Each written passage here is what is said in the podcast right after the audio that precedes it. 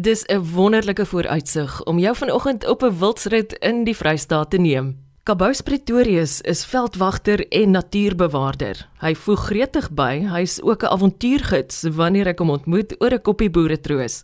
Eers waar hy hom bedags raakloop. By Amanzi Private Game Reserve. Dit is in Brandfort, tussen Tennyson en Brandfort eintlik. In die afgelope dekade in sy lewe staan so opgeteken. Ek het um, net na skool het ek anti-poaching training gedoen en uh, dit was verskriklike training geweest. Dit was baie taai en uh, was nog nooit in my lewe so honger, nog nooit in my lewe so ver gestap of swaar gekry nie. Ek het net verlief geword op die bos. Ek het nie regtig geweet wat ek wou doen na skool nie en ja, verlief geword op die bosse en die diere en so aan.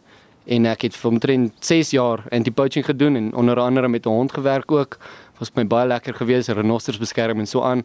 Ook maar vreeslike dinge raak gesien en uh, rhinotopsies gedoen van renosters wat gestroop was terwyl hulle nog half lewendig was en ehm um, toe ek meestal van my tyd was ek in die Oos-Kaap gewees. Was ook 'n ruk in Limpopo gewees en ek het toe nou toe COVID kom, net voor COVID eintlik, het ek gestudeer om 'n uh, om 'n veldgids te word want ek het my my vrou, my girlfriend daai tyd ontmoet en ek wou toe bietjie meer stabiel werk hê met stabiele ure en ek het toe selfstudie gedoen om 'n veldgids te word kort daarna was ek geretrench as gevolg van COVID. Toe sit ek vir amper 'n jaar by die huis en daarna toe kry ek werk hier so by Amanzi en uh, is ek weer terug waar my hart is. Ek is getroud, ja. Ek gister my ring verloor ek met die verf gewerk het. Gedurende sy tyd as renosterbewaarder was daar 'n besonderse natneus aan sy sy. So Blade was sy naam. Blade was baie cool. It's a Belgian Malinois of 'n ander naam is 'n uh, Belgian Shepherd. Daar's drie van die shepherds, jy kry die German shepherd, die Belgian shepherd en die Dutch shepherd.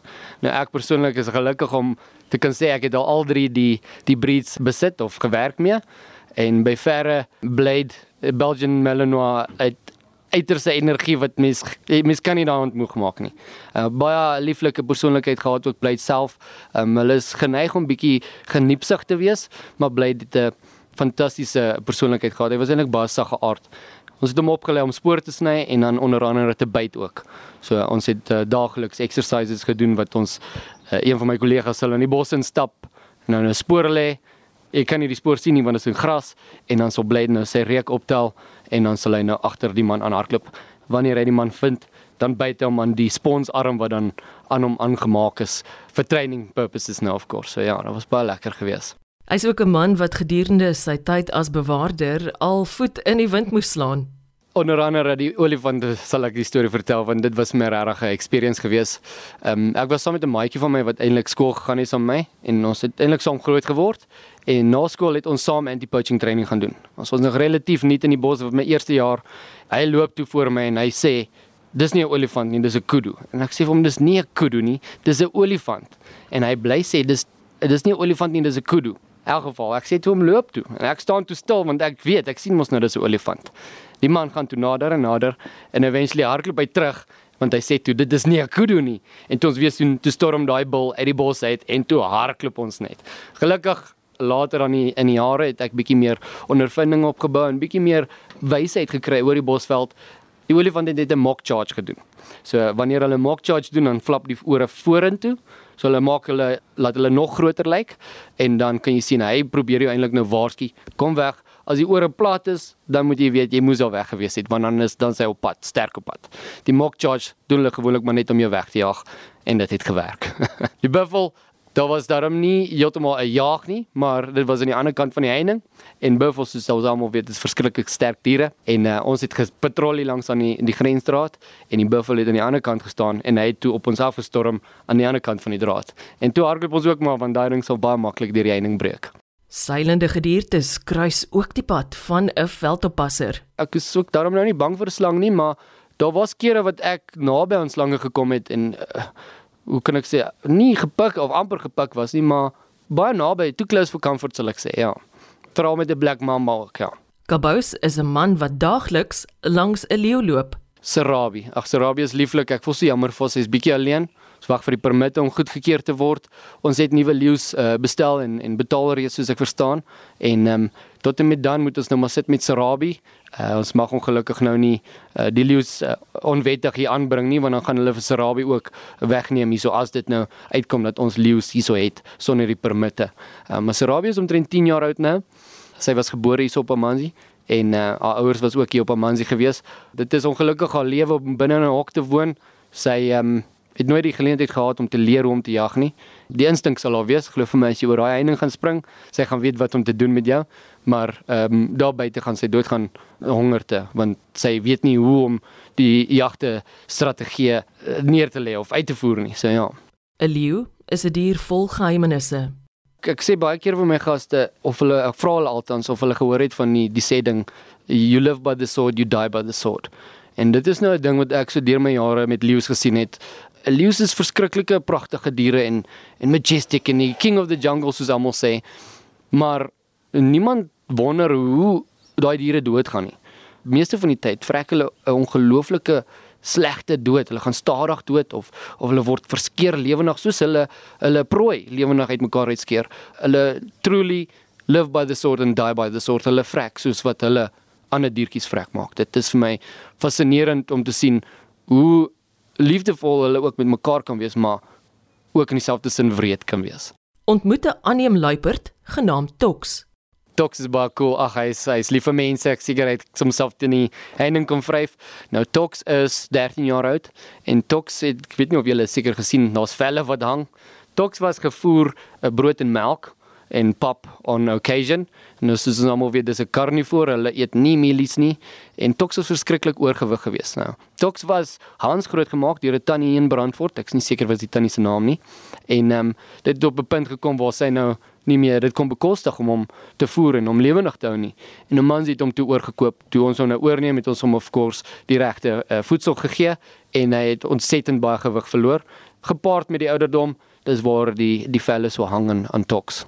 Sou agritourisme op jou wenslys spreek, is dit handig wanneer Kabou sy kennis deel. Ek sou sê dit verg nog ons baie. Jy kan ook nou nie enige ouetjie van die straat af vat en sê hoor ek kom kom doen die job nie.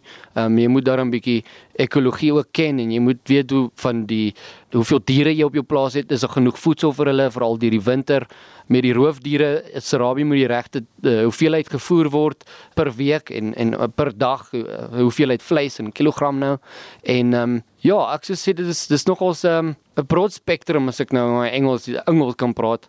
Daar's daar's baie om in ag te neem met bosbestuur en en al daai goedjies wat alles alles speel 'n rol in die ekosisteem. So om so plaas te kan hardloop, dis waar um, Amanzi het nog ons baie goeie staf hier. Ons nou nie baie mense nie, maar ons almal doen wat ons moet doen en en dan mag jy hulle hulle 100%, 110% sou ek sê. Bewaring kan sonder boere nie bestaan nie. Dan ja, ons het 'n fantastiese verhouding soos ek oh, ek glo so, hoop maar so. Ehm um, hulle kom drink gereeld koffie ook hierso en ehm um, soos ek nou vanoggend was ek weg vir 'n karkas wat vir ons gesponsor was vir vir die leeu's en die rooi kat en die uh, luiperd. Gereeld word ek gebel om vleis te gaan haal iewers en as daar brande is veral die gemeenskap staan bymekaar. Ons het so 3 weke terug het ons uh, plaas byna amper afgebrand. Daar was 'n vuur met 'n stinkspoed op pad hiernatoe en ehm um, gelukkig met 'n wonderwerk het daai 480 grade gedraai en homself uitgebrand. Maar die hele omgewing se boere was by die vuur besig om te veg probeer om dit te blus want ons het daai dag was 'n Saterdag gewees, ons het 'n troue aangegaan, ons het 'n klomp mense hier gehad en eintlik almal het hier voor by mekaar gekom om die plaas te ontruim. So naby was die brand gewees. So dit was dit was reël, maar maar die gemeenskap help ons regtig. Ek glo ons het 'n goeie verhouding met die boere. Die oppasser van lewe het ook al doodsgevaar in die oë gekyk. Dit was 2015 15 Desember. Ek kon dit gister. Dit was 'n uh, wildsplaas in die Oos-Kaap, 'n groot vyf plaas. En uh, daai tyd het ek ook nog my hond gehad vir blyd. En ons het patrollie gedoen en um, ons het gesoek na 'n renoster, 'n wit renoster wat uh, missing was vir 'n paar dae. Nou, ons moet die renoster opgespoor het want as jy hulle aan nie sien nie, dan is hy onmoontlik gestroop. So ons het toe patrollie gedoen en ons het toe op 'n grondpad gegaan af in die bosse in en ons was vier manne gewees en ek was heel agter in die ry gewees baie dig bosse in die Oos-Kaap hulle dis die Albany regte daar dis die uh, biome daar so biome ons het patrollie gedoen en en my kollega wat voor was het gesê hy sien 'n spoor en ons almal het bymekaar gekom en die spoor was 'n swart renoster spoor. En uh, swart renoster is 'n verskriklike aggressiewe dier. Hulle hulle wil nie ander mense of ander diere in hulle hulle grondgebied hê nie. Hulle is verskriklik aggro. Ons draai toe net so 180 grade. Ek is toe voor in die ry en die ander man is agter my en ons is nou op pad uit daarso want ons wil nie die swart renoster teekom nie. Ek het so onder deur die bosse gegaan om haar uit te stap uit die bos uit en toe ek opkom seker 'n me meter van my af. Ek kon 'n renoster gevat het as ek reg wil. staan daar 'n swart renoster voor my.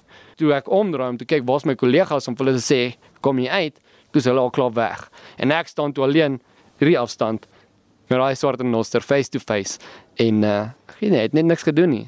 Weet nie wat uh was so wonderlik eintlik dat uh my lewe bewaar was. Ek bid altyd om veilig te wees so. Suid-Afrika is 'n wêreldkampioenland. Tussen springbok en ander dierspesies vind kabous sy vrede. Ons het so baie mooi hier, so rarig spasie. Die reuk van die reën, daai stofreukie, die sonsondergang, selfs die son opkom. Die mense ook. Mense is mense, ons almal se bloed is rooi en en ek is lief vir mense. As almal net mekaar kan hanteer soos hulle wil hanteer word, dan sal Suid-Afrika ewen beter wees. Maar ek glo regtig Suid-Afrikaanse mense is hartsmense. Hulle hulle voel diep en uh, hulle gee om. Pragtig waar. So ja, ons ons is regtig 'n mooi land. Hy's 'n jong pa wat sy drome oor die Vrystaatse vlakte uitspreek. Die boere daar lê hom na in die hart. Ek sê vanoggend my kollega toe ons op pad is om my beeste gaan oplaai. Ek wil 'n huisie langs aan 'n rivier hê, 'n containerhuis wat ek my eie twee hande wil, wil bou. Dis my droom. En ek wil net in vrede lewe. Ek wil 'n homestead hê waar ek my eie groente groei en skaapie of twee het of drie of maybe even meer, 'n bees of twee en 'n klomp hoenders het. Maar spesifiek langs 'n rivier. Ek is mal oor die water, ek weet nie waar nie. Ek het daarom 'n dogtertjie so ver, Lily May, sy is nou 10 maande oud en sy het gisteraan die eerste keer gekruip. So ons moeilikheid lê voor vir ons. Nog kinders te kry sal ideaal wees, ja. Hartsmense, Vrystaat boere, hartsmense. Truly die Vrystaat mense is very selfless. Hulle gee om en hulle is daar vir mekaar. Hulle hulle is ook nie hulle hou nie boek van uh, wie skuld wat as jy hulle gaan help om 'n uh, brand te blus of iets soos dit. Hulle nee, maar ek het jou gehelp daardag. Hulle uh, hou nie grudges sal ek sê. My ouers is ook hier in die Vrystaat. Ja, die Vrystaat mense is is baie nice mense, regtig.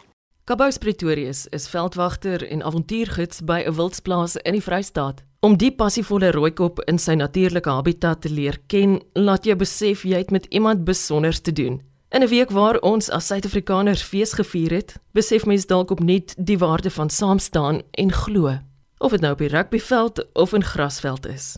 Ek is Eloise Pretorius en die is 'n program wat jy kan hou as digitale aandenking na 'n besoek aan die webtuiste van RSG. Man can make many plans, but the Lord's purpose will prevail. Volg jou hart, maar as nie die Here se plan is nie, dan gaan dit nie gebeur nie. Ons weet dalk nie wat ons wil doen of waar ons gaan nie, maar ons het nie nodig om te weet nie. Die Here weet alles. Ons moet hom net vertrou, glo en weet dat hy is in beheer.